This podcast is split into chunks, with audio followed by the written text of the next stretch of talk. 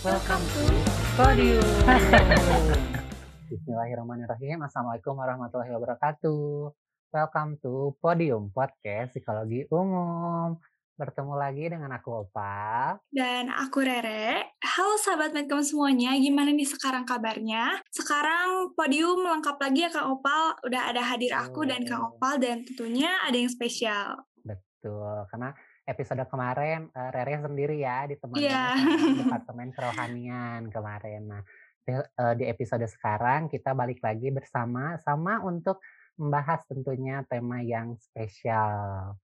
Tentu bener banget yang udah dibilangin sama Kang Opal tadi, kalau kita sekarang bawa sesuatu yang spesial nggak akan kalah dari episode-episode sebelumnya. Karena kita kembali dengan gestar yang merupakan salah satu dosen Fakultas Psikologi Unisba yang terkenal juga ya Kang ya. Ya betul. Dan tema yang akan kita bahas juga lagi banyak banget dibicarain sama teman-teman atau sahabat Medcom dan banyak juga di request sama sahabat Medcom.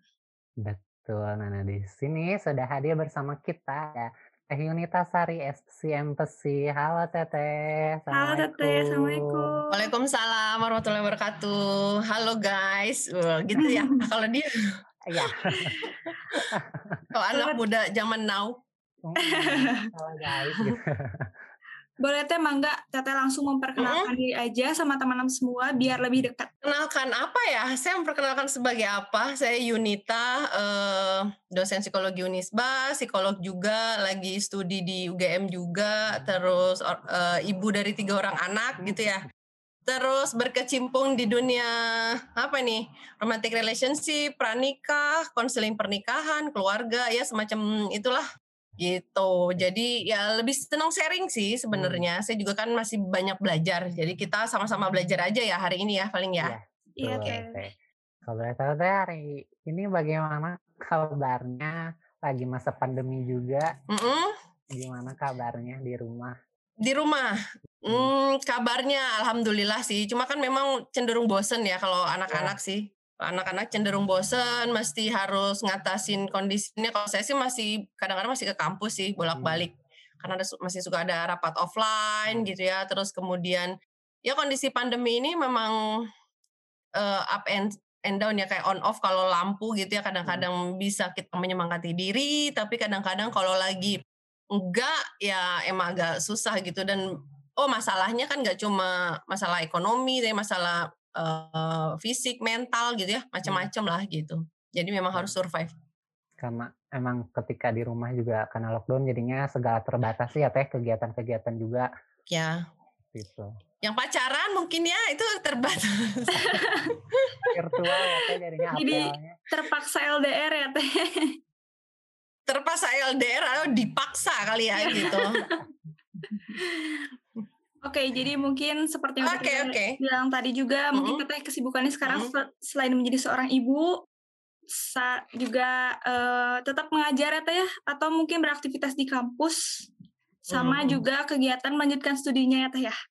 Tapi memang kalau pandemi ini ini sedikit sharing ya. Eh, lumayan banyak ka- kasus-kasus eh, apa namanya eh, masalah keluarga, masalah relasi gitu ya. Jadi ini nggak putus-putus gitu yang minta konseling online gitu ya. Memang kan mungkin makin makin susah ya selama pandemi juga kan nggak bisa ketemu dengan klien langsung gitu ya. Jadi Iya. wah lumayan juga sih memang psikolog di masa pandemi atau mungkin yang helper konsul eh, konselor gitu ya kalian-kalian yang nanti udah lulus Iya. juga itu mungkin ini kan banyak yang direkrut untuk bisa membantu secara mental ya kondisi Mm-mm. ini gitu sih Betul. Nah, harus eh, mengikuti zaman gitu ya Teh ya. Oh Harus iya melek teknologi sekarang. banget Konselor banget harus lewat online gitu. Iya. Walaupun jadinya agak terbatas gitu Teh. Oke, baik. Nah, kalau begitu kita eh, sekarang ini kita teh bakal ngebahas Mm-mm. tema yang tadi emang udah eh, agak di sedikit akan disinggung tadi ada masalah relationship gitu ya tentang Mm-mm. trust issue dalam suatu hubungan. Nah, mungkin Oke. dari eh, Noval sendiri mungkin mau eh, sedikit eh, apa ya menyampaikan gitu dari banyak juga boleh pak banyak. Ada apa gitu banyak. Ini sedikit lah aja.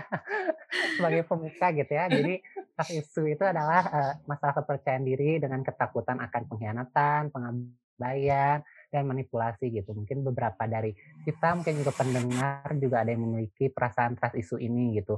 Apakah sulit untuk mempercayai pasangan kita gitu, mungkin orang tua Hmm. kita bahkan sama uh, dokter kita sendiri gitu ya Teh. Hmm. Kalau di psikologi sendiri trust, uh, trust isu itu apa ya? Oke, gini ya. Hmm, ini mungkin uh, sedikit sharing aja. Jadi Mhm. apa yang misalnya saya sampaikan nggak nggak nggak apa namanya nggak pasti benar gitu ya. Dan kita juga masih terus belajar gitu. Setelah saya cari-cari, memang trust issue itu lebih banyaknya di artikel uh, populer gitu ya, di artikel populer. Kalau untuk di riset-riset itu mungkin terminologi trust issue itu mungkin tidak tidak digunakan secara uh, saklek gitu uh, namanya uh, trust issue gitu ya. Tapi kalau misalnya permasalahan trust gitu itu oh, itu banyak gitu.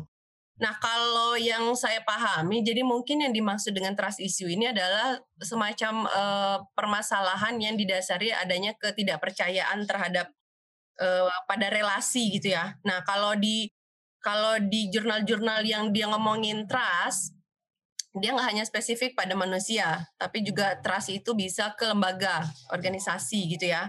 Jadi kalau ada yang nanti dibagi dua, ada yang sifatnya ke arah eh, relationship atau relasional ke individu gitu ya, atau ke orang, tapi ada juga yang ke ke organisasi atau ke sistem. Kayak gitu. Itu misalnya kita nggak percaya pemerintahan, misalnya gitu ya. Itu nggak percaya suatu lembaga tertentu misalnya gitu. Atau misalnya nggak percaya bukan dokternya tapi misalnya lembaga kedokterannya atau lembaga psikologinya misalnya kayak kayak gitu. Ya jadi itu ada bentuk rasa tidak percaya gitu. Itu mungkin yang uh, secara umum bisa saya gambarkan yang berkaitan dengan trust issue tadi gitu. Jadi ada permasalahan ketidakpercayaan. Trust itu sendiri kan sebenarnya lebih mengarah kepada rely on atau depend on bergantung. Jadi suatu bentuk uh, derajat atau sejauh mana orang itu bisa bergantung pada atau uh, pada kalau tadi dengan sistem atau lembaga gitu ya kalau ini kita kan spesifik ke relationship ya. Mm-mm. ke individu gitu. Jadi kepada kepada orang tersebut apakah itu misalnya orang tua atau misalnya itu suami atau pasangan kayak kayak gitu ya pasangan romantis misalnya seperti itu. Jadi eh, yang berkaitan dengan rasa percaya tadi itu gitu. Trust issue itu yang saya pahami seperti itu gitu Oke, jadi berdasarkan yang udah kita sampaikan juga bahwa sebenarnya dalam psikologi itu trust issue itu berkaitan dengan permasalahan dalam kepercayaan gitu ya Teh ya. iya betul Nah, betul berdasarkan peng- pengertian yang udah Teteh sampaikan, jadi sebenarnya Mhm. penyebab dari trust issue itu apa aja Teh? Oke, nah ini eh, kalau eh, ini agak mundur dikit tadi ya sebelum menjawab eh, penyebab trust issue gitu. Jadi kalau trust issue itu sebenarnya memang karena kalian tadi ngomongnya ke psikologi, psikologi kan akan ngomongnya sama masalah manusia kan gitu. Ya. Nah sebenarnya nggak psikologi aja yang yang ngomongin tra- eh, tentang trust gitu ya, tapi ada juga antropologi, sosiologi gitu ya, terus kemudian political science gitu yang tadi saya bilang mungkin ke arah sistem gitu ya, itu juga banyak. Nah kalau kita ngomongin Eh, kenapa sih ada orang yang bermasalah dengan trust issue gitu ya? Beberapa tokoh tuh mengatakan bahwa eh, eh, apa namanya permasalahan kepercayaan ini atau rasa tidak percaya ini atau negative thinking mungkin ya ada yang mengarah ke arah sana gitu ya. Rasa tidak percaya ini tuh eh, bisa dibangun dari eh, waktu kecil atau pola, relasi pola asuh caregivernya dengan pengasuhan waktu dia baru dilahirkan, bagaimana proses uh, klan atau uh, interaksi antara dia dan pengasuhnya. Pengasuh ini bisa ayah, bisa ibu, atau bisa juga babysitter misalnya gitu atau nenek gitu ya. Bisa bisa orang yang mengasuh, tapi bisa juga terjadi karena life event atau proses perjalanan kehidupannya ketika dia misalnya dia nih baik-baik aja nih relasinya dengan ibunya waktu ibunya masih kecil tuh dia uh, kedekatan dengan ibunya mungkin cukup baik gitu ya terus kemudian secara emosional ada bonding ada kelekatan ada uh, apa namanya uh, kepercayaan kepada orang tua misalnya tapi dalam uh, perjalanan waktu misalnya gitu ya. Nah bonding yang sama ibu tadi ini atau sama caregiver tadi ini sebenarnya terbentuk tapi nggak terlalu bagus misalnya gitu. Lalu kemudian dalam perjalanan kehidupannya dia bertemu sama teman-teman gitu ya terus kemudian bertemu dengan orang-orang yang mengkhianati nah, mengkhianati kepercayaan tadi gitu ya dalam proses perjalanan kehidupannya gitu life eventnya. Jadi uh, akhirnya terbentuklah dia seperti yang sekarang gitu. Dia tidak mudah percaya dengan orang lain gitu ya. Tidak hanya pada pasangan tapi mungkin ke sebagian besar orang yang berelasi dengan dia gitu. Jadi kalau ada tokoh yang mengatakan uh, apa namanya rasa ketidakpercayaan atau rasa tidak percaya ini bisa dibangun dari uh, ketika relasi dengan caregiver atau pengasuh lalu ada juga yang mengatakan live eventnya itu bagaimana tapi bisa juga menurut saya interaksi gitu interaksi antara bagaimana ketika dia diasuh atau dibesarkan ketika masih kecil karena gini kalau kita baru lahir itu ya baru lahir kemudian kita tidak pakai baju gitu lalu kemudian kita diberikan bedong atau dipakai baju sama orang tua kita sama orang yang mengasuh kita gitu ya diberikan kehangatan dikasih makan diberikan minuman gitu itu adalah bentuk uh, pemenuhan kebutuhan kan.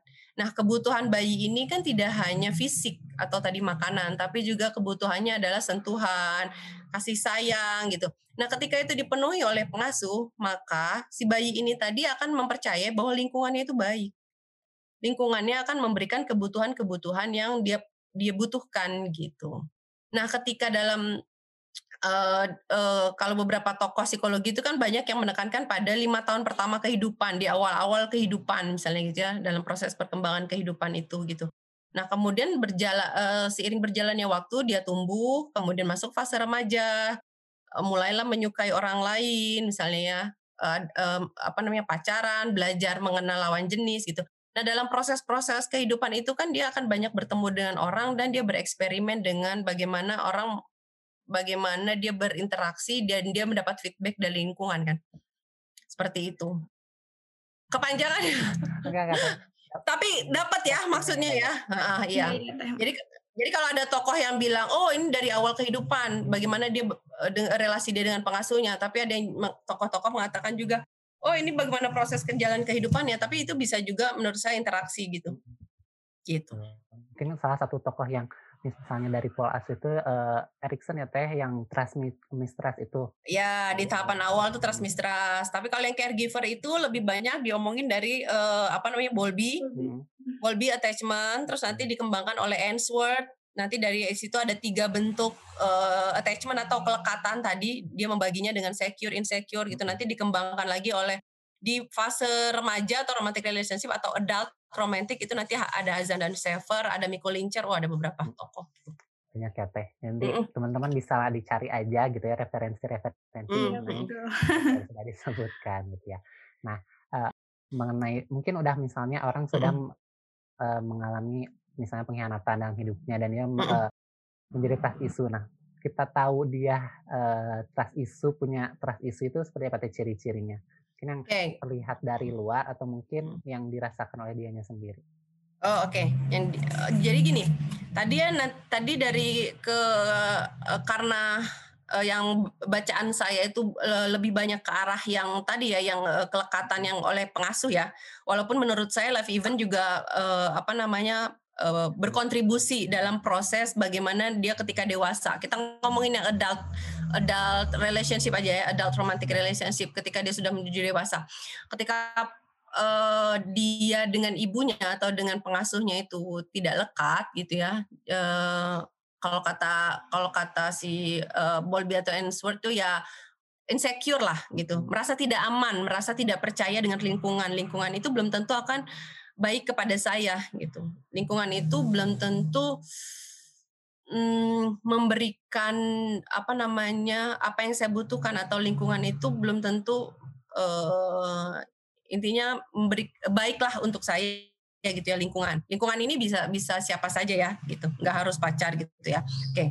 Nah terus kemudian ketika dia masuk tadi fase remaja gitu, dia um, mempunyai uh, apa namanya relasi dengan lawan jenis, terus dia mulai uh, apa namanya mulai uh, punya relasi yang mungkin kalau kata orang cinta monyet lah ya kayak gitu ya. Nah gitu. Nah, da, itu tuh sebenarnya adalah proses eksperimen juga, jadi opportunity of learning gitu ya. Jadi proses dia belajar untuk mengenal lawan jenis awal-awal, uh, misalnya romantic relationship lah ya, gitu. Terus kemudian dia belajar mengenal dirinya, dia mengajar mengenal dirinya bahwa kok kalau saya uh, apa namanya suka sama orang misalnya gitu ya uh, saya tuh misalnya harus tahu dia uh, apa namanya di mana gitu. Misalnya pacar lah ya gitu ya anggaplah pacar misalnya punya relasi dengan pacar. Uh, saya harus tahu nih dia ada di mana gitu. Karena kalau saya nggak tahu dia ada di mana gitu saya tuh nggak nyaman gitu. Saya merasa saya tuh cemas cemas berlebihan gitu. Nah kan kalau kalau dari uh, tokoh kalau dari di psikologi itu kan misalnya uh, insecure attachment itu terbagi dua, ada yang menghindar atau avoidant atau ada yang anxiety atau cemas gitu ya. Hmm. Nah, dua pola ini itu agak sedikit berbeda gitu. Uh, apa namanya bentuk relasi reaksinya gitu ya. Kalau kita ngomongin trust isu dari beberapa artikel yang saya baca yang populer gitu ya, itu sebenarnya mengarah ke yang dia maksud itu ya attachment avoidance dan attachment anxiety ini tadi gitu ya. Jadi kalau ketika dia berelasi dengan lawan jenis gitu, nggak harus lawan jenis ya. Kalau LGBT kan berarti ya dengan pasangan lah misalnya ya. Pasangan. Nauzubillah min zalik ya kita ngomong lawan jenis saja. Oke. Okay. Uh, kalau dengan lawan jenis, jadi dia merasa pacarnya tuh dia harus tahu hmm. selalu gitu. Pacarnya itu ada di mana gitu. Jadi bentuk perilakunya kira-kira apa Noval? Kalau dia harus tahu selalu pacarnya ada di mana. Protektif gitu teh? Ya, jadi dia misalnya posesif. Ya, posesif, terus protektif gitu ngecekin handphone uh, apa namanya ngeliatin IG-nya terus gitu iya. ya. Terus kalau dia main sama siapa aja gitu kan terus habis itu uh, apa location. gitu kan dia tak harus tahu gitu. Karena itu uh, apa namanya membuat dia nggak nyaman. Kalau dia nggak tahu si pasangannya itu ada di mana gitu ya. Dia merasa uh, tidak tidak apa ya namanya relasi relasi yang harus dia bangun itu harus benar-benar meyakinkan dia bahwa pacarnya itu selalu ada untuk dia. Hmm. Nah ini tuh sebenarnya salah satu bentuk dari yang attachment uh, anxiety tadi uh, kecemasan gitu. Jadi uh, dia nggak uh, nyaman dengan apa namanya lingkungannya gitu ya ketika dia berelasi gitu ya itu uh, dia harus selalu diyakinkan bahwa uh, pacarnya itu ada untuk dia atau hmm. orang yang dia orang yang dia depend on gitu ya, yang dia gantung itu harus selalu ada buat dia kayak gitu. Hmm. Gitu. Jadi bentuk perilakunya bisa macam-macam ya, tapi tapi intinya lebih ke dia harus yakin bahwa orang itu selalu ada untuk dia gitu. Jadi mungkin bentuk perilakunya terlalu selalu ngintilin pacarnya misalnya gitu ya, selalu kepo dan pengen tahu gitu kan. Dan ini kan menimbulkan konflik ya, yeah. kalau dalam relasi. Oke, okay. ini jadi menimbulkan konflik karena jadi nggak ada lagi independence, jadi nggak ada kemandirian dalam uh, saya secara pribadi menjadi diri saya dan saya secara pribadi berelasi dengan pacar saya, misalnya kayak gitu. Jadi karena uh, apa namanya, jadi nggak bisa ke mana-mana si pacar ini selalu di kekewek gitu ya. Orang Sunda namanya kekewek gitu. Jadi iya. kayaknya jalannya tuh harus selalu dengan dia gitu. Iya. selalu dengan dia kayak gitu. Itu salah satu bentuk ciri uh, gitu ya. Terus kemudian tapi ada lagi yang mungkin yang tadi avoidance attachment ya menghindar. Hmm. jadi dia ngerasa nggak nyaman terlalu terikat. Gitu. Jadi hmm. jadi ngerasa tuh uh, apa namanya dingin tiis ya kalau iya. kalau ya pacaran sama orang yang kayak gini itu mungkin rada tiis karena dia tuh uh, uh, mungkin uh, kasarnya apa ya gimana ya kalau saya mudah-mudahan saya nggak salah mencontohkan memberi contohnya gitu jadi kayak dia itu takut kalau dia terlalu mencintai seseorang dia akan terluka terlalu dalam hmm. Hmm.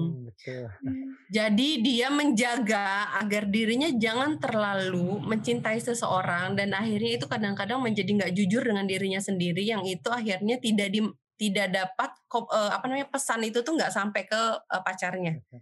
Ya pesan maksudnya tuh apa yang dia rasakan itu tuh nggak sampai gitu. Kan kalau kita pacaran kan harus ada komunikasi ya dan komunikasinya kan beda kan kalau novel sama sama pacar misalnya ya atau sama temen cewek itu kan beda kan yeah. gitu jadi ada keterbukaan gitu kan. Yeah. Nah kalau yang kalau yang anxiety attachment tadi itu lebih terbuka. Hmm. Bahkan kadang-kadang berlebihan terbuka dengan pacarnya gitu ya. Segala-segala tuh oh diceritain gitu kan. Tapi menimbulkan konflik yang tinggi gitu. Hmm. Nah, tapi kalau ini kalau yang avoidance itu menghindar itu jadi cenderung lebih ke uh, mengabaikan permasalahan kalau ada cenderung sendiri nyelesain masalah. Jadi tidak melibatkan si pasangan tadi dalam misalnya diskusi, komunikasi, ngobrol, kita mau gimana gimana gitu ya. Jadi kurang open kayak gitu. Nah, sedangkan kalau dalam relasi self disclosure itu menjadi harga mati. Keterbukaan itu menjadi harga mati dalam sebuah relasi romantis. Begitu. Oke. Ya. Iya. Oke, jadi bentuk perilaku dari mm. trust issue itu berbeda-beda ya Teh ya, tergantung dari attachment mm. yang dialaminya, mm. insecure-nya insecure karena apa.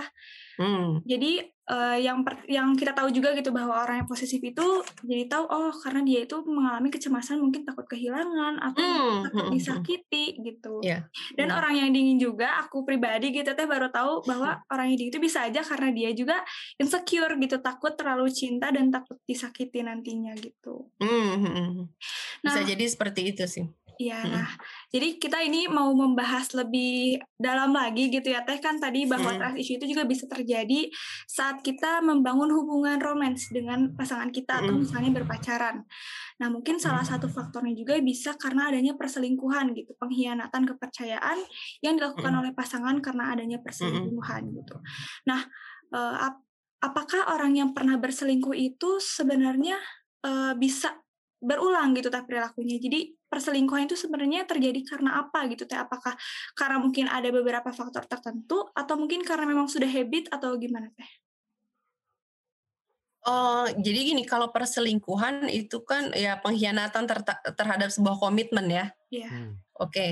gini, kalau dalam pacaran itu kan kita lihat goalsnya mau mau apa ini, gitu, gitu. Definisi pacaran itu apa, gitu jadi ini agak-agak sedikit ini ya, karena setiap orang punya definisi pacaran yang berbeda-beda gitu kan.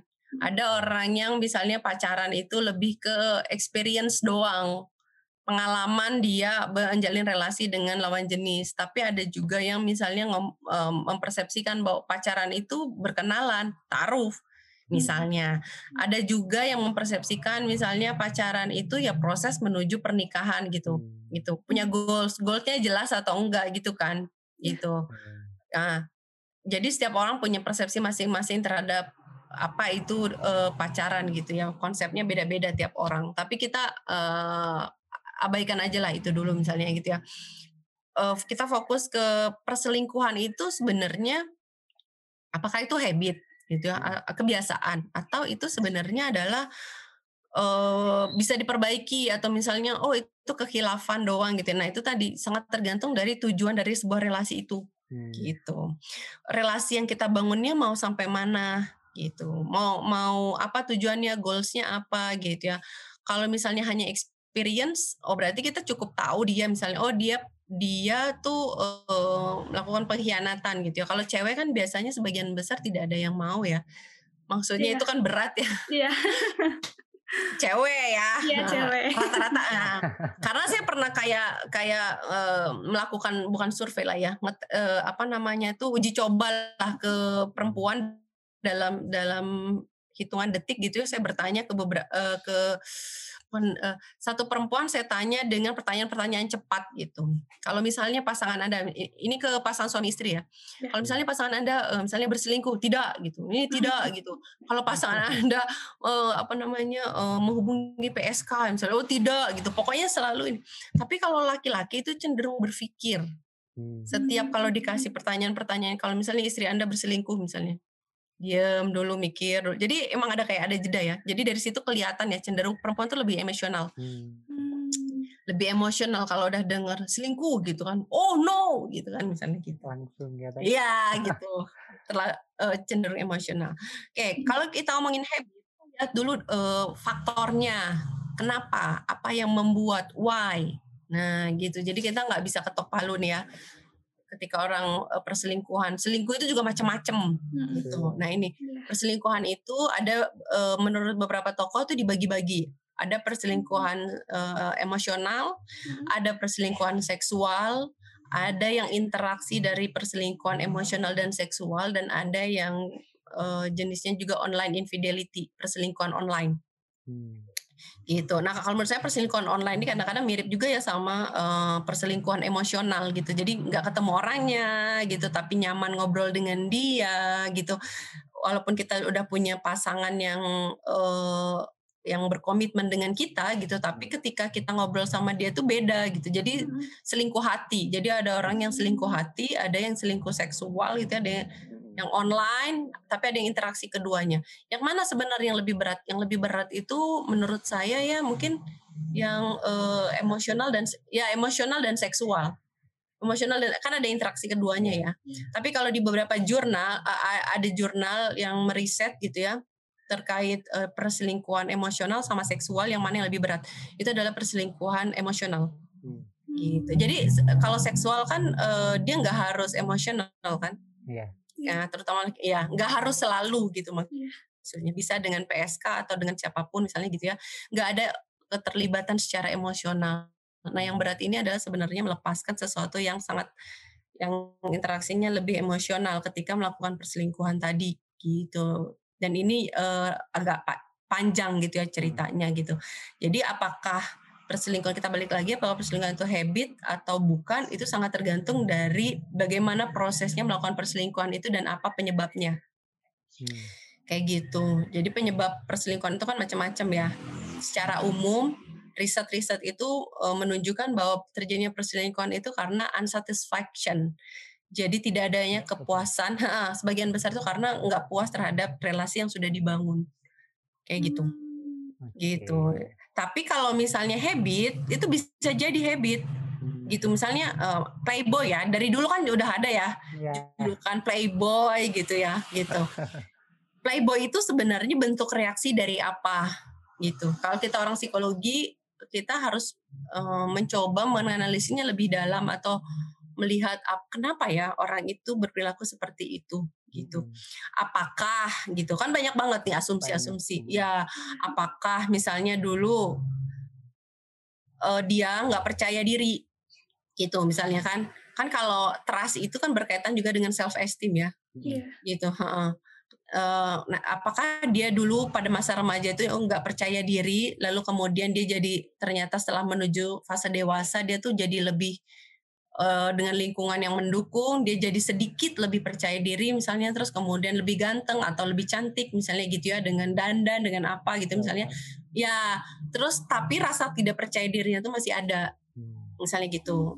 Oke kita anggaplah cowok ya yang secara umum dianggap iya. dianggap lebih banyak playboy walaupun playgirl juga sama gitu. Uh, saya tidak ini contoh doang ya Noval ya. jangan tersinggung. santai santai. Santai kita nggak main gender. nah jadi kalau misalnya uh, bisa jadi itu bentuk reaksi dia untuk mengatasi rasa tidak percaya dirinya gitu. Hmm. Jadi dengan banyak misalnya dengan banyak pacar gitu ya berulang kali pacaran karena nggak bisa membentuk relasi yang nyaman tadi mm-hmm. gitu akhirnya dia uh, dia uh, melakukan perilaku itu gitu. Jadi playboy atau berselingkuh gitu ya. Karena dia merasa misalnya ah nggak cocok dengan ini. Ah ini nggak bisa. Oh ini orang yang harus mengerti dia gitu. Hmm. gitu padahal mungkin permasalahannya adalah dia yang belum paham dirinya sendiri. Hmm. gitu. Hmm. Jadi kita dalam relasi itu memang um, kata kunci pertama adalah kenal diri. Iya. Iya, harus mecer dulu secara uh, kita udah paham uh, siapa saya gitu ya. Gitu. Mungkin kalau di psikologi dulu di awal-awal tuh harus bikin esai ya, enggak sih? Siapa saya? Pernah nggak sih? Enggak. Enggak kayaknya. Oh enggak ya. itu zaman aku berarti kita disuruh nulis siapakah aku gitu ya. Iya. Harus menuliskan. Jadi kita kita harus kenal dulu kita dibesarkan tuh seperti apa proses perjalanan kita tuh seperti apa? Kalau kita pernah dibully sama orang lain itu apa yang berdampak pada diri kita? Gitu. Nah itu eh, efek jangka panjangnya terhadap relasi yang akan kita bangun seperti apa? Apa the dark side of me-nya apa? Apa hal-hal yang negatif dalam diri saya? Kayak gitu. Ketika karena ketika kita mau berelasi atau secara romantis ya dengan orang lain, kita harus mengkomunikasikan keburukan-keburukan itu tadi. Mm -hmm. Kalau goalsnya jelas ya, kalau goalsnya misalnya menikah misalnya, mm -hmm. itu harus dijelaskan sehingga kita eh, pasangan kita pun akan bisa menerima atau eh, mempertimbangkan dia bisa hidup atau tidak dengan kita di masa yang akan datang kayak gitu. Okay. Gitu. Jadi memang harus dilihat uh, infidelity atau perselingkuhan itu faktor penyebabnya apa. Gitu. Okay. Tapi kalau hilaf, kalau hilaf, hilaf tuh biasanya sekali ya. Hmm. Kalau berulang kali tuh habit biasanya.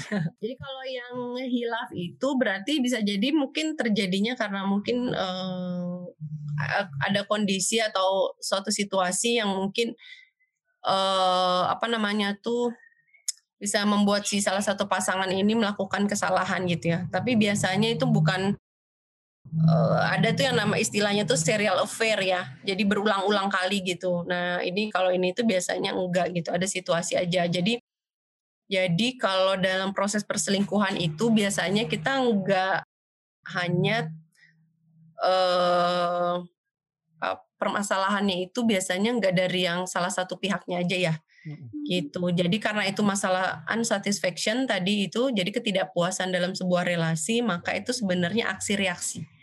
Hmm. Jadi gitu. Jadi kalau misalnya kita oh, dalam hubungan romantis kayak gitu, ketika misalnya pasangannya berselingkuh, hmm. misalnya cowoknya selingkuh nih atau ceweknya berselingkuh, oh, itu uh, dua-duanya harus uh, apa namanya tuh refleksi karena sebenarnya bisa jadi yang cowoknya itu berselingkuh karena perilaku ceweknya. Okay. Gitu. Nah, dalam dalam relasi pernikahan itu eh apa namanya? Kalau pernikahan itu kan legal formal ya. Hmm. Legal terus kemudian itu kan eh, dipersatukan oleh Allah gitu ya sehingga kita tidak tidak mudah untuk misalnya kalau kalau misalnya oh oh infidelity gitu perselingkuhan uh, ekstramarital gitu uh, divorce misalnya kayak gitu ya sehingga kita kan harus melihat itu dengan wide gitu harus lebih luas harus melihat gitu prosesnya bagaimana terjadinya dinamikanya kayak apa kayak gitu jadi ketika tidak ada ketika tidak ada uh, apa namanya ketidakpuasan ketidakpuasan itu biasanya terjadinya karena ada kebutuhan yang tidak terpenuhi hmm. gitu. Tidak terpenuhi dan tidak terkomunikasikan gitu kan. Nah sehingga ini perlu dikomunikasikan gitu. Seperti apa gitu. Nah eh, sehingga kalau salah satu dari pasangan itu melakukan infidelity gitu ya ini kita lihat lagi pasangan eh, pasangannya gitu si istrinya juga gitu apa yang terjadi dalam sebuah relasi ini sehingga sama eh, si eh, suami misalnya tidak merasa uh, puas dalam sebuah relasi ini gitu. Perilaku-perilaku apa? Bisa jadi sifat-sifat negatif gitu ya yang yang tidak terkomunikasikan gitu. Atau mungkin tadi ada permasalahan-permasalahan masa lalu. Ya, yang misalnya berkaitan tadi dengan trust issue tadi misalnya gitu yang tidak disadari kayak gitu. Nah, itu kan harus dikomunikasikan kayak gitu. Misalnya nih, misalnya nih si suaminya tuh punya ibu yang galak misalnya kayak gitu ya. Dan tidak dekat dengan ibunya sehingga uh, uh, kurang kasih sama kecil misalnya gitu. Kan merasa diabaikan oleh ibunya misalnya. Kemudian dapat istri yang tidak paham gitu dapat istri misalnya yang tidak paham dan cenderung juga mendominasi. Hmm. misalnya seperti itu. Nah ketika si istrinya menunjukkan ciri-ciri dominasi terhadap si uh, suaminya ini maka eh, apa namanya pengalaman-pengalaman masa lalu yang tidak menyenangkan itu kan bisa membuat si suami menarik diri dan tidak merasa nyaman dalam sebuah hubungan. Hmm. kayak gitu. Jadi itu sebenarnya sifatnya aksi reaksi. So kalau misalnya terjadi eh, adanya perselingkuhan dalam sebuah hubungan harus dilihat lagi jangan hanya menyalahkan salah satu pasangannya aja yang berselingkuh. Prosesnya bagaimana apa kontribusi dari uh, pasangannya gitu terhadap uh, perselingkuhan. tadi. Iya kayak gitu. Nah, tadi tadi kan juga bilang ada yang emang habit ada yang jelas gitu ya. Kalau hmm. kan mungkin sekali dua kali aja. Tapi kalau misalnya um, ada nggak teh kemungkinan bahwa yang orangnya awalnya cuma hilaf lama-lama malah jadi kebiasaan gitu malah jadi habit Oh bisa, bisa, bisa. Itu kan kalau dia tidak menyadari kan. Kalau hilaf itu kan misalnya eh, lalu dilakukan, misalnya hilaf nih, karena misalnya kondisi, misalnya gini deh. Kalau hubungan jarak jauh, sekarang kan cenderung orang sudah mulai banyak juga yang LDR ya.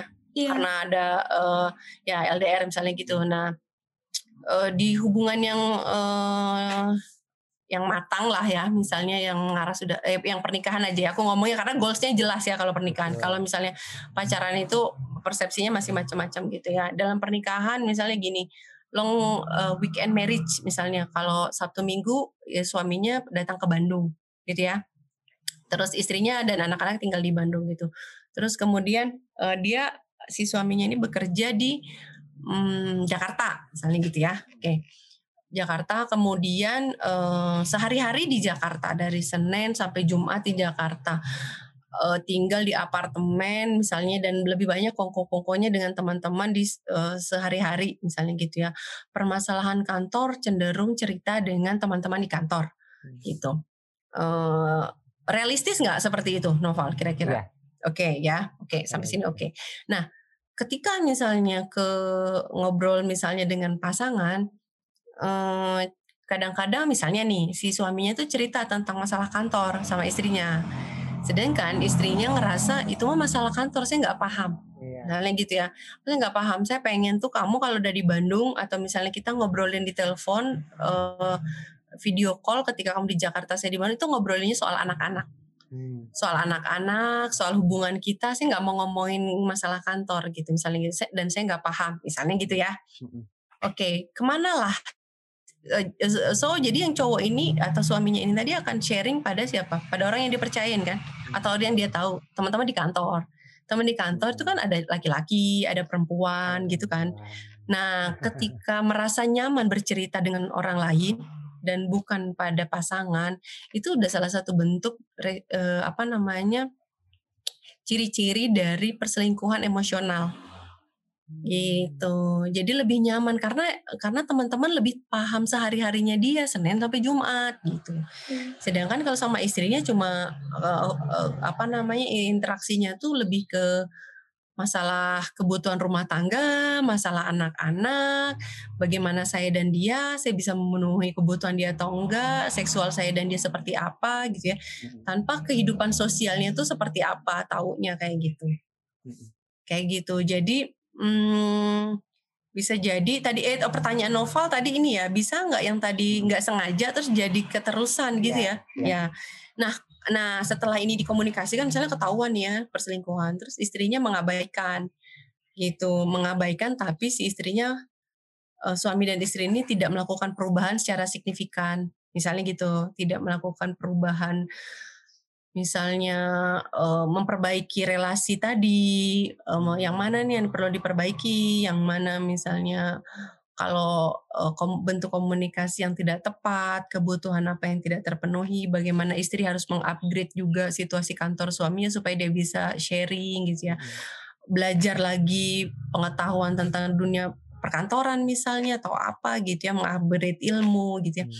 Nah ini bisa lagi ter, terulang lagi gitu. Karena tadi tidak dijaga kayak gitu. Hmm. kondisi-kondisi itu tuh tidak terjaga gitu gitu. Dan salah satu bentuk untuk menjaganya juga kan keyakinan ya. Yeah. ibadah kayak gitu. Bersama-sama untuk uh, berubah kayak gitu. Nah kalau ini tidak dijaga ya bisa balik lagi balik lagi gitu. Dengan orang yang berbeda bisa. Dengan orang yang sama eh, CLBK bisa juga. Jadi kemungkinannya juga besar ya Teh ya, maksudnya hmm. tergantung sama kondisi dan relasi yang adanya gitu ya. Ya dengan dengan uh, apa namanya dengan banyaknya di di di riset riset online infidelity ya online ya hmm. uh, dengan banyaknya platform uh, apa namanya kayak Tinder gitu ya hmm. cari pacar yang gitu-gitu tem teman buat ngobrol teman curhat itu sangat memungkinkan gitu dengan hmm. orang bisa terkoneksi dengan mudah gitu. Yeah gitu dan dan pasangan bisa aja nggak tahu karena itu bisa di uh, misalnya kalau online tuh ya bilangnya ya ngobrol dengan teman atau misalnya di hide atau oh banyak sekali cara kalau misalnya orang mau melakukan hal yang tidak baik itu uh, sekarang sangat terbuka luas gitu. Hmm. Oke teh seperti hmm. yang jadi perselingkuhan itu juga uh, bisa habit dan juga bisa cuma sekali karena mungkin ada beberapa momen yang bikin hmm, jadi kita hmm. hilaf gitu ya baik hmm. itu cewek ataupun cowok. Hmm, hmm. Nah untuk dalam hubungan yang pernah ada perselingkuhan di dalamnya sendiri hmm. itu penting gak sih kita memberikan kesempatan kedua gitu ketika hmm. misalnya korban udah mengalami trust issue kepada hmm. pasangannya hmm. terus memberikan kesempatan kedua itu penting gak teh baik dalam romance ataupun dalam marriage relationship hmm. itu tadi berarti balik laginya tadi ke goalsnya ya goalsnya mau apa Kalau misalnya marital kan itu ya berusaha untuk dipertahankan ya, karena kan itu pernikahan itu sesuatu yang sakral gitu ya, dan uh, diperbaiki gitu. Jadi kesempatan kedua itu dilihat dari proses bagaimana terjadinya perselingkuhan itu. Itu tadi, itu kan tadi aksi reaksi ketika ketika uh, si A berselingkuh atau suami gitu. Bagaimana uh, B atau istrinya itu seperti apa? Bagaimana kontribusi si istri dalam proses perselingkuhan suami? Kalau tadi ketidakpuasan berarti kan itu sifatnya aksi reaksi. Gitu. Pada saat ketidakpuasan itu terjadi dan komunikasi antara pasangan suami istri ini tidak baik maka kan ada orang lain yang datang itu kan sangat wajar. Ada orang lain yang datang eh, dan menawarkan untuk memberikan dukungan support pada salah satu pasangan itu sangat mungkin gitu kan. Nah yang dilihat tadi bisa nggak memberikan kesempatan kita lihat prosesnya gitu. Ini prosesnya terjadinya seperti apa, dinamikanya kayak gimana gitu.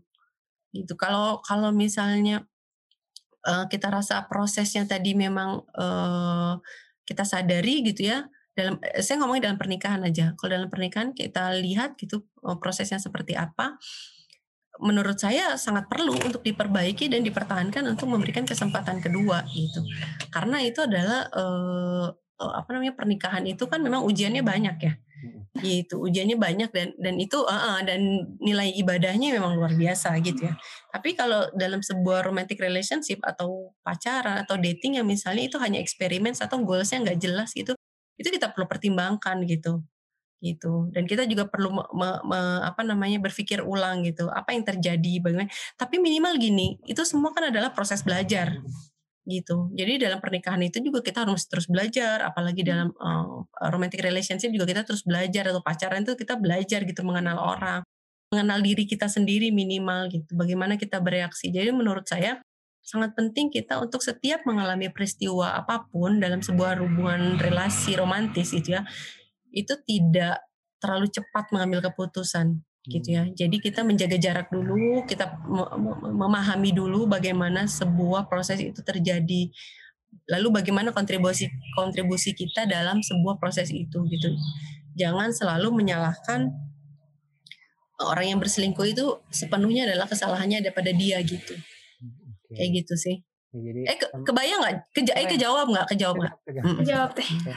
Kayak jadi emang kata orang nah, kalau misalnya lagi ada suatu masalah selesaikan dengan kepala dingin ya teh mm, mm, mm. ada keputusan lagi emosi ya keputusannya ya kadang malah jadi penyesalan nanti di akhirnya gitu ya teh iya betul apalagi yang tadi ya kalau yang kayak misalnya yang laki-lakinya mungkin mengalami trust issue yang lebih ke avoidance kan dia susah tuh mengkomunikasikannya nah iya teh gitu ya Uh, dia susah mengkomunikasikannya dan dianggap dipersepsi oleh misalnya si pacarnya si ceweknya tadi itu bahwa itu adalah sebuah bentuk pengabaian yang dia nggak dicintai. Hmm. Jadi si perempuan merasa tidak dicintai, sedangkan yang laki-laki itu mencintai tapi tidak bisa sepenuhnya untuk mengekspresikannya rasa cinta itu, gitu kan?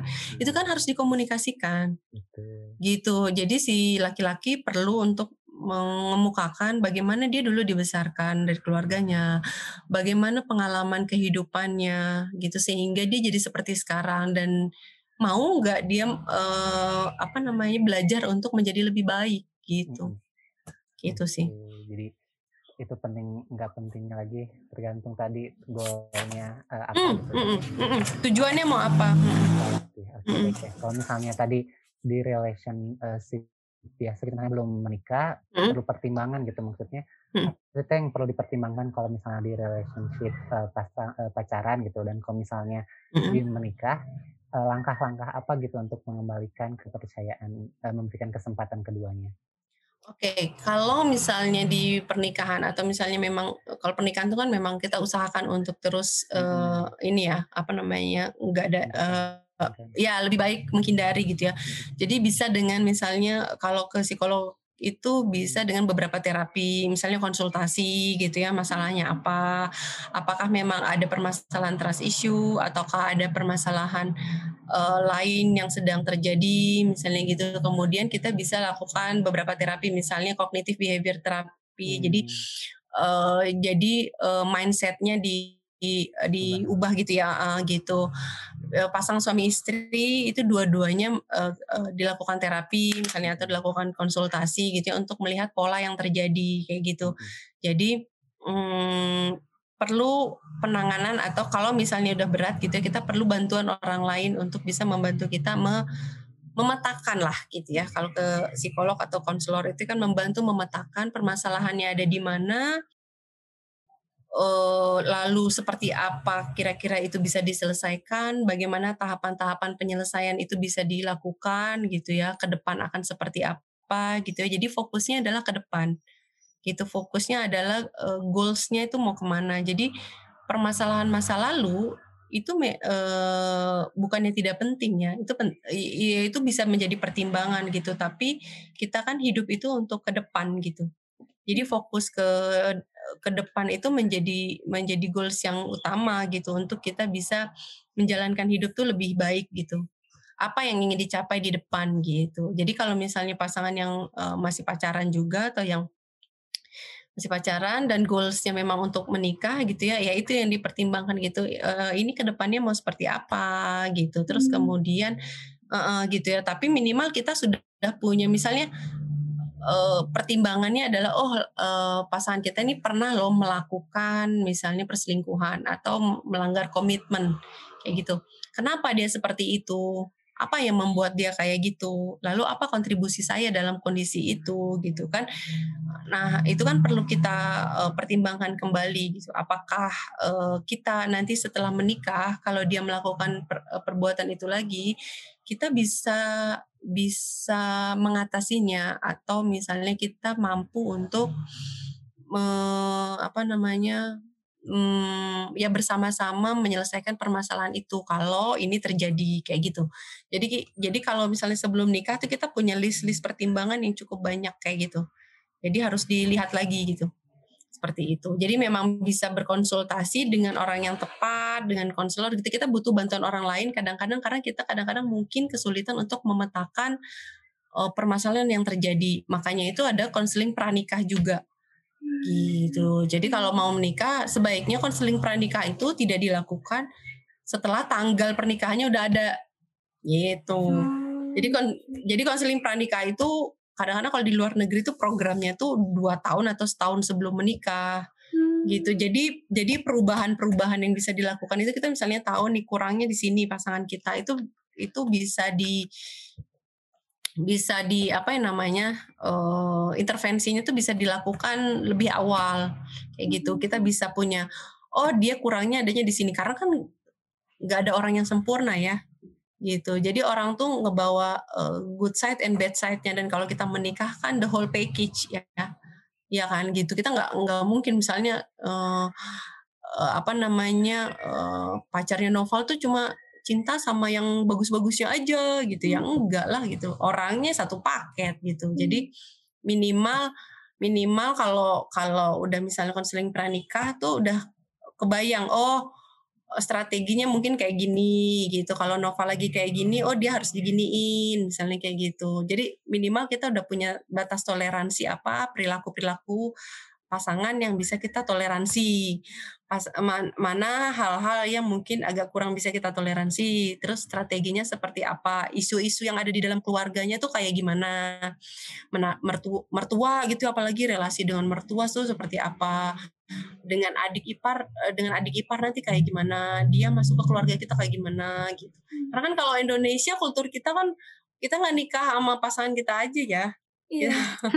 Nikahkan dua keluarga ya. Iya, dengan dua keluarga. Jadi kita harus paham juga gitu potensi-potensi yang uh, akan misalnya menjadi uh, apa namanya permasalahan atau konflik dalam rumah tangga kita kayak gitu. Jadi minimal uh, sudah mengantisipasi walaupun dalam pernikahan itu nanti banyak hal juga yang nggak bisa diantisipasi yeah. tapi minimal minimal kita kan belajar kan iya. gitu kayak gitu Oke, jadi mungkin semuanya bergantung sama goal kita ya Teh ya. Membangun mm. semua itu kita goalnya mau apa gitu. Mungkin buat sahabat mm -hmm. Medcom jadi buat yang mungkin lagi pacaran atau mungkin lagi bersiap-siap mau nikah, kembali lagi ke goalnya. Kalau misalnya sekiranya goalnya masih ya main-main, masih cari-cari, mm. ya mending eh, dipikirin lagi gitu. Kesempatan kedua mm. itu jangan sampai membuang waktu kita juga. Karena ya tahu lagi uh, apa ya orang yang sudah mengecewakan itu juga pasti nggak mudah gitu kita hmm. lagi nah di balik itu teh kita kan mempercayai orang itu kan susah hmm. teh apalagi hmm, iya. yang mengkhianati kita gitu iya jelas karena, banget aku juga pernah nemu quotes nih ya teh katanya gini kepercayaan bagaikan kertas sekali lusuh takkan dapat kembali seperti semula itu katanya. Nah, hmm. kira-kira mengapa proses proses untuk mempercayai kembali orang itu cukup lama dan sulit ya teh ya?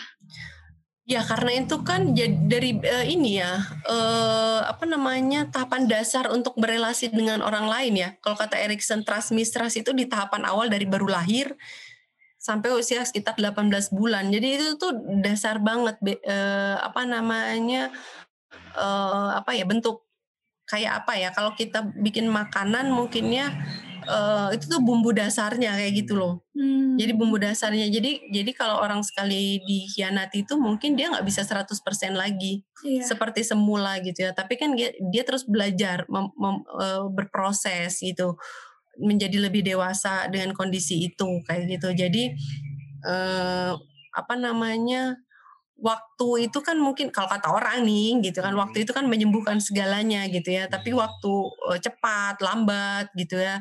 Terus keaktifan kita mencari menggali untuk terus belajar untuk bisa menyembuhkan luka itu itu kan um, sangat tergantung dari kita yang mau berubah kita yang mau mau mencari gitu ya.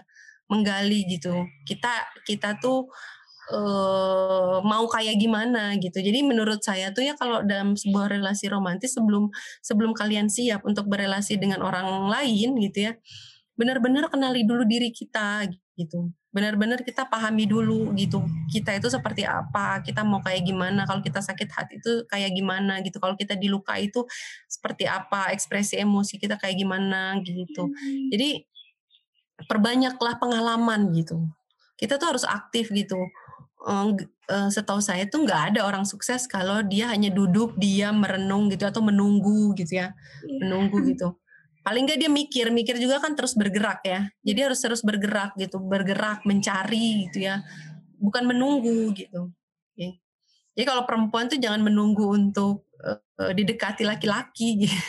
harus bergerak juga ya, iya. bergerak Nah bergeraknya dalam hal apa nih? Bergeraknya ya berarti kan mencari pengetahuan. Jadi kayak misalnya keterampilan-keterampilan dalam rumah tangga. Jangan nyepelein gitu kan. Kadang-kadang uh, uh, uh, aku nggak nggak apa-apa nih. Aku nggak bisa masak gitu. Jadi kayak kayak merasa maksudnya nggak perlu belajar gitu nggak gitu walaupun nggak bisa kan kita harus satu punya keterampilan misalnya untuk jadi ibu gitu kan jadi seorang istri gitu kan harus terus belajar gitu jadi jangan kita mudah dikasih potensi sama Allah untuk bisa bergerak, mencari, memperbanyak ilmu, tapi kita tidak memanfaatkan itu kayak gitu.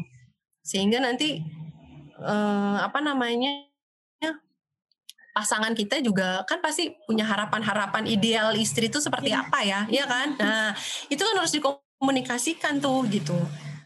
Pas eh, si cowoknya pengen ideal pasangan tuh seperti apa, ceweknya punya ideal pasangannya seperti apa. Nah kalau di konsultasi pranikah tuh atau konseling pranikah ini nggak nyambung, jauh banget misalnya kan ideal kan harus dipertimbangkan misalnya gitu, hmm. dipertimbangkan kayak gitu misalnya yang yang cowoknya tuh pengennya istrinya di rumah aja jadi ibu yang baik misalnya gitu ya nggak nggak usah aktivitas keluar. Nah, sedangkan si istrinya ini adalah aktivis iya aktivis sejati gitu ya.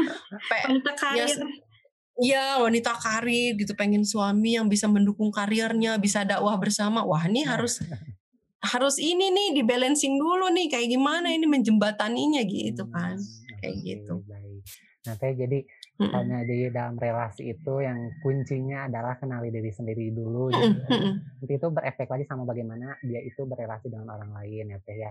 Nanti juga untuk misalnya kalau misalnya ada perselingkuhan, nah perselingkuhan sendiri adalah kalau kata teh itu pelanggaran dari komitmen yang sudah dibangun dari uh, awal gitu kan.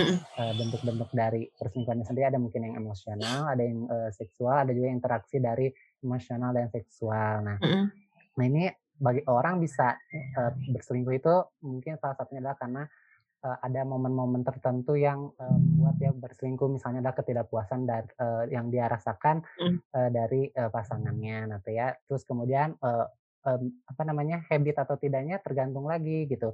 Apa uh, ada faktor-faktor uh, lain? Apakah ada prosesnya bagaimana gitu apakah hmm. seperti tadi gitu. Oke okay, ya. Oh ini yang faktor-faktor yang ini ya mendukung perselingkuhan ya. Tadi hmm. juga belum belum secara detail ya. Oke. Okay. Ya, uh, faktor-faktor yang memfasilitasi perselingkuhan itu sebenarnya memang dari riset-riset itu udah cukup banyak ya. Hmm. Jadi kayak dari riset itu dikumpulin terus kemudian dikategorikan atau diklasifikasikan gitu ya.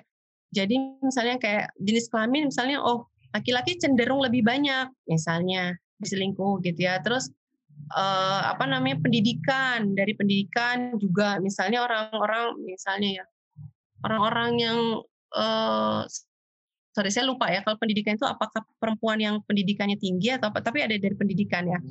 Nah yang lebih banyak itu memang dari faktor uh, relasi yang tadi saya bilang ketidakpuasan relasi itu itu sangat tinggi. Jadi cenderung sebagian besar berkorelasi dengan ketidakpuasan relasi itu tadi gitu ya. Jadi ada faktor demografi, ada faktor uh, individual.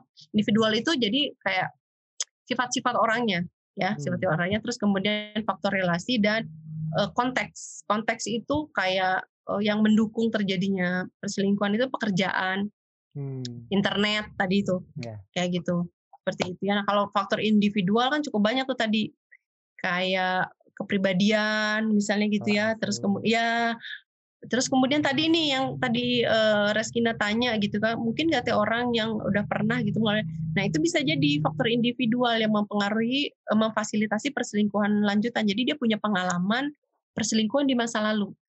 Nah, itu hmm. bisa bisa uh, terjadi lagi dan saya pernah mengatasi bukan mengatasi ya menghadapi klien dengan kasus yang seperti ini gitu.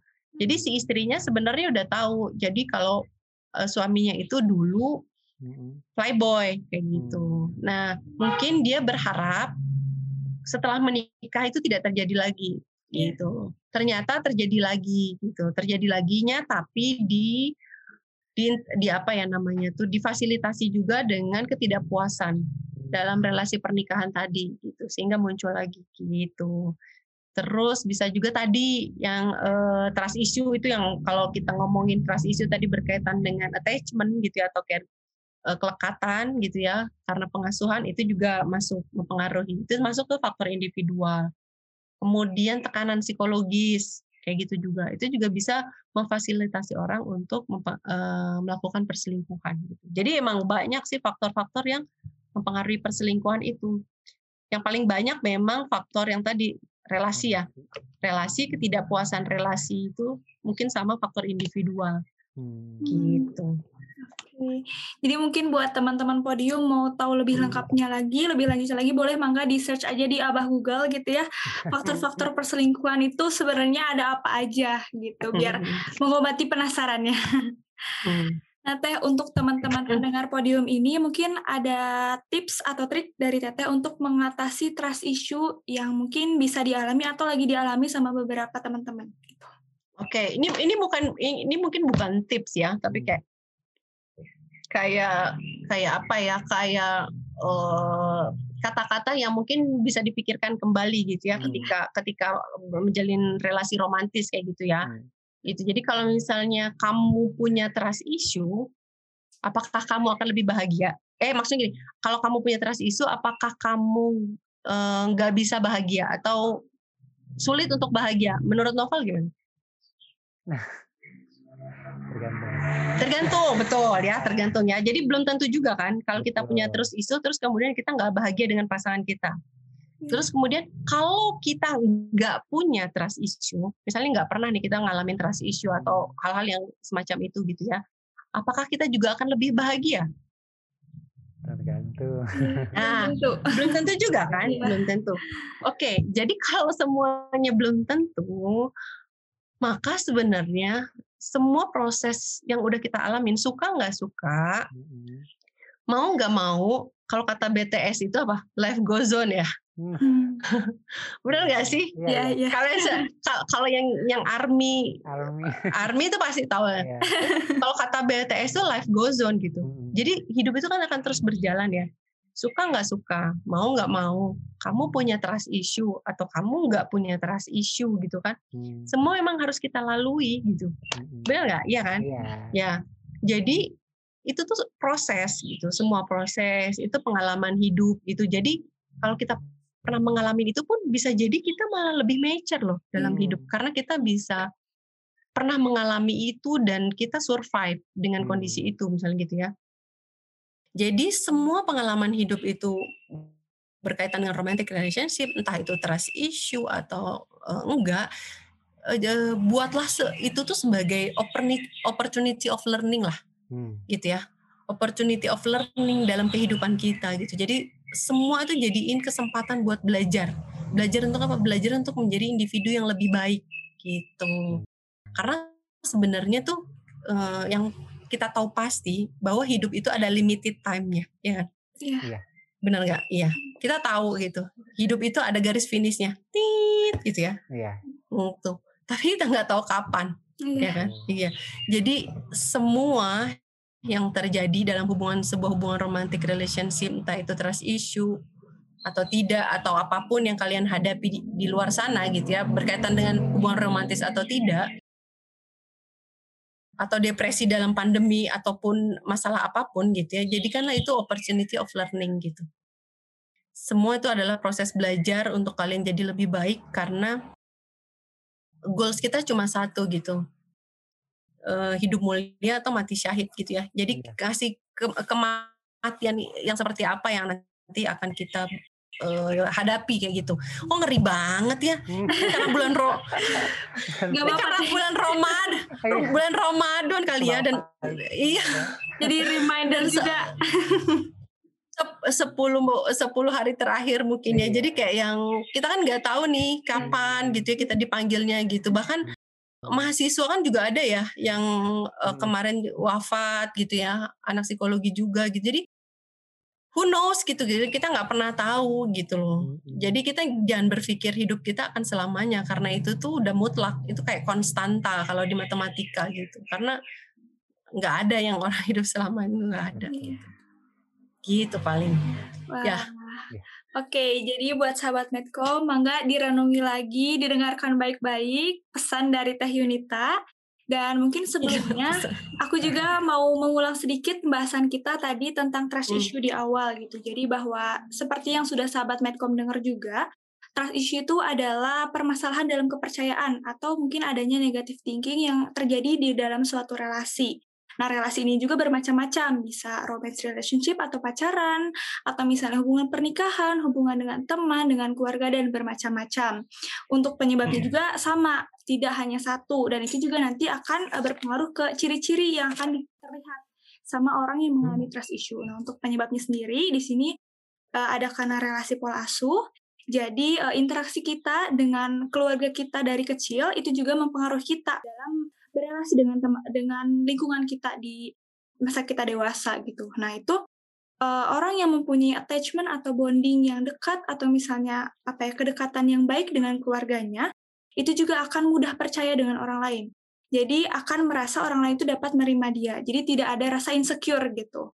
Nah, kalau misalnya orang yang tidak ada attachment yang lekat dengan keluarganya, itu tuh juga bisa menimbulkan rasa insecure di relasi berikutnya. Dan yang kedua itu ada penyebabnya life event. Jadi proses pengalaman kita dalam kehidupan. Jadi walaupun misalnya kita berada di keluarga yang hangat, keluarga yang ya pokoknya hangat, attachmentnya baik, bondingnya baik, tapi ternyata waktu kita misalnya menuju remaja, menuju dewasa, kita menemukan orang yang malah mengkhianati kepercayaan kita atau kita punya pengalaman yang buruk dengan orang lain itu juga berpengaruh terhadap uh, trust yang bisa kita miliki gitu teman-teman.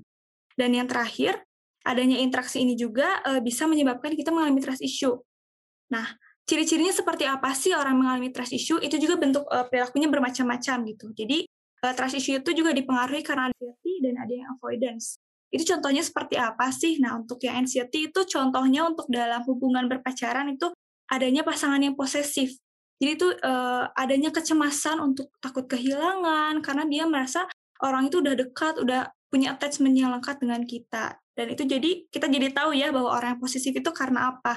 Dan yang kedua itu ada insecure avoidance. Jadi dia memilih untuk menjauh maksudnya dengan lebih diam, lebih dingin karena dia takut apabila dia terlalu dekat dan terlalu lekat nanti akan membuat dia uh, terlalu cinta dan nanti malah dikecewakan oleh pasangannya. Jadi buat teman-teman semua, semoga aja yang udah disampaikan sama Teh Yunita bisa dipikirkan lebih lebih dalam lagi gitu di ya kira-kira kita dalam berhubungan itu goalsnya untuk apa gitu. Jadi ke depannya juga kita bisa lebih siap untuk mengambil keputusan terutama dalam berelasi dengan pasangan gitu ya Kang Opal. Iya betul.